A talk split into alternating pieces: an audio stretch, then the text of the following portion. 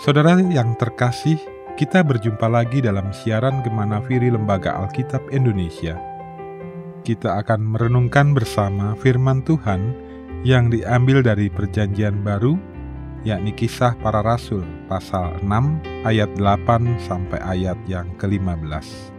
Demikian firman Tuhan. Dan Stefanus yang penuh dengan karunia dan kuasa mengadakan mukjizat-mukjizat dan tanda-tanda di antara orang banyak. Tetapi tampillah beberapa orang dari jemaat Yahudi yang disebut jemaat orang liber. Anggota-anggota jemaat itu adalah orang-orang dari Kirene dan dari Alexandria. Bersama dengan beberapa orang Yahudi dari Kilikia dan dari Asia. Orang-orang itu bersoal jawab dengan Stefanus. Tetapi mereka tidak sanggup melawan hikmatnya dan roh yang mendorong dia berbicara. Lalu mereka menghasut beberapa orang untuk mengatakan, "Kami telah mendengar dia mengucapkan kata-kata hujat terhadap Musa dan Allah." Dengan jalan demikian, mereka mengadakan suatu gerakan di antara orang banyak, serta tua-tua dan ahli-ahli Taurat. Mereka menyergap Stefanus, menyeretnya, dan membawanya ke hadapan mahkamah agama. Lalu mereka memajukan saksi-saksi palsu yang berkata, Orang ini terus-menerus mengucapkan perkataan yang menghina tempat kudus ini dan hukum Taurat. Sebab kami telah mengatakan bahwa Yesus orang Nazaret itu akan merubuhkan tempat ini dan mengubah adat istiadat yang diwariskan oleh Musa kepada kita.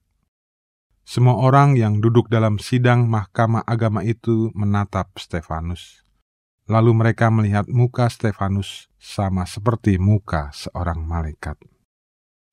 Saudara pendengar yang dikasihi Tuhan, kehidupan yang kita jalani layaknya seperti sebuah surat yang terbuka dan dapat dibaca oleh semua orang, di mana akan menjadi suatu ukuran orang-orang untuk menilai baik atau buruknya kita dalam pandangan mereka. Begitu pula ketika berbicara tentang kehidupan sebagai seorang Kristen. Semua yang kita tampilkan di hadapan dunia akan menjadi penilaian orang tentang siapakah Kristus yang kita sembah dan percayai. Rasul Paulus mengatakan bahwa dalam surat 2 Korintus pasal 3 ayat 3, kamu adalah surat pujian kami yang tertulis dalam hati kami dan yang dikenal dan yang dapat dibaca oleh semua orang. Karena telah ternyata bahwa kamu adalah surat Kristus yang ditulis oleh pelayanan kami. Ditulis bukan dengan tinta, tapi dengan roh dari Allah yang hidup. Bukan pada loh-loh batu, melainkan pada loh-loh daging, yaitu di dalam hati manusia. Saudara pendengar yang terkasih, perikop pembacaan kita kali ini dimulai dengan kesaksian akan pelayanan Stefanus. Stefanus adalah salah satu dari tujuh orang yang telah ditunjuk oleh jemaat mula-mula dengan penumpangan tangan para rasul untuk menjadi pelayan meja. Dan Stefanus yang penuh dengan karunia dan kuasa mengadakan mukjizat dan tanda-tanda di antara orang banyak. Tugasnya sebagai pelayan meja rupanya tidak menghalangi karunia yang Allah berikan. Tetapi sama seperti para rasul, di antara orang banyak, Stefanus mengadakan mukjizat-mukjizat dan tanda-tanda. Karunia dan kuasa yang ada padanya tentu saja berasal dari Allah. Dan ini menjadi suatu tanda bahwa Stefanus adalah seorang yang dianggap layak menerimanya. Stefanus memiliki hikmat dan kebijaksanaan, sehingga menjadi kesaksian yang nyata dari seorang pengikut Kristus. Ia adalah surat Kristus yang terbuka, yang dapat dibaca oleh semua orang. Inilah hakikat sesungguhnya dari seorang martir, yang artinya saksi atau orang yang memberikan kesaksian. Martir tidak hanya berbicara tentang orang yang rela menderita atau mati karena mempertahankan imannya, tetapi yang terpenting adalah seorang yang selama hidupnya memberikan kesaksian yang benar dan baik tentang iman yang dipegangnya. Di berbagai belahan dunia, dari zaman ke zaman, telah begitu banyak orang Kristen yang mengalami kematian karena kepercayaan yang dianutnya. Namun, apakah semuanya dapat dikatakan mati sebagai seorang martir? Saudara pendengar yang terkasih, jangan kita menganggap rendah arti kata martir. Tidak semua orang beragama Kristen adalah benar-benar seorang Kristen. Demikian juga tidak semua orang yang mati karena beragama Kristen mengalami kematian sebagai seorang martir.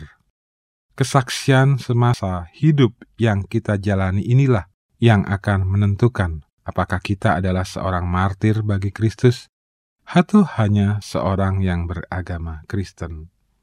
Saudara pendengar, Stefanus adalah orang yang hidup sebagai seorang martir, dan karena itulah perikop ini menayangkan permulaan penderitaannya. Kesaksian hidup dan muzizat-muzizat yang dilakukannya tidak dipandang sebagai sesuatu yang baik oleh sebagian jemaat Yahudi pada saat itu. Salah satunya oleh mereka yang berasal dari golongan libertini, yaitu mereka yang dari kalangan budak belian, tetapi yang telah membeli kemerdekaannya atau telah dibebaskan. Mereka ini bersoal jawab dengan Stefanus, namun tidak dapat mengalahkan hikmatnya. Karena itu mereka menghasut beberapa orang, mungkin juga dengan bayaran, untuk menjadi saksi dusta bagi Stefanus dengan mengatakan bahwa ia telah menghujat Musa dan Allah. Dengan cara demikian mereka mengerahkan kekuatan massa yang di dalamnya ikut serta tua-tua dan ahli-ahli Taurat, menangkap Stefanus dan membawanya ke mahkamah agama Yahudi. Dengan saksi-saksi dusta bayaran itu, mereka mendakwa Stefanus telah menistakan agama Yahudi. Saudara pendengar yang terkasih, Allah tidak meminta kita untuk menyenangkan semua orang, namun harus kita menyenangkan hati Allah. Inilah tujuan hidup kita Injil yang Allah nyatakan pun tidak akan menyenangkan dan disambut baik oleh semua orang. Setiap kehidupan Kristen yang kita tampilkan adalah sangat baik dalam pemandangan Allah, tetapi tidak bagi semua orang. Dasar pemahaman seseorang akan membentuk perspektif dalam dirinya. Orang-orang yang pemahaman dan hatinya telah tertutup oleh ilah zaman akan memandang dengan permusuhan semua bentuk kesaksian hidup seorang Kristen. Tetapi bagi mereka yang telah ditentukan oleh Allah untuk diselamatkan, kesaksian iman Kristen menjadi seperti sebuah telaga di tengah gurun kehidupan. Saudara, marilah hidup selalu dengan menampilkan kesaksian Kristen untuk mempermuliakan Allah dan Tuhan kita dan agar dunia melihat kemuliaan Allah di dalam diri kita. Terpujilah Kristus. Amin.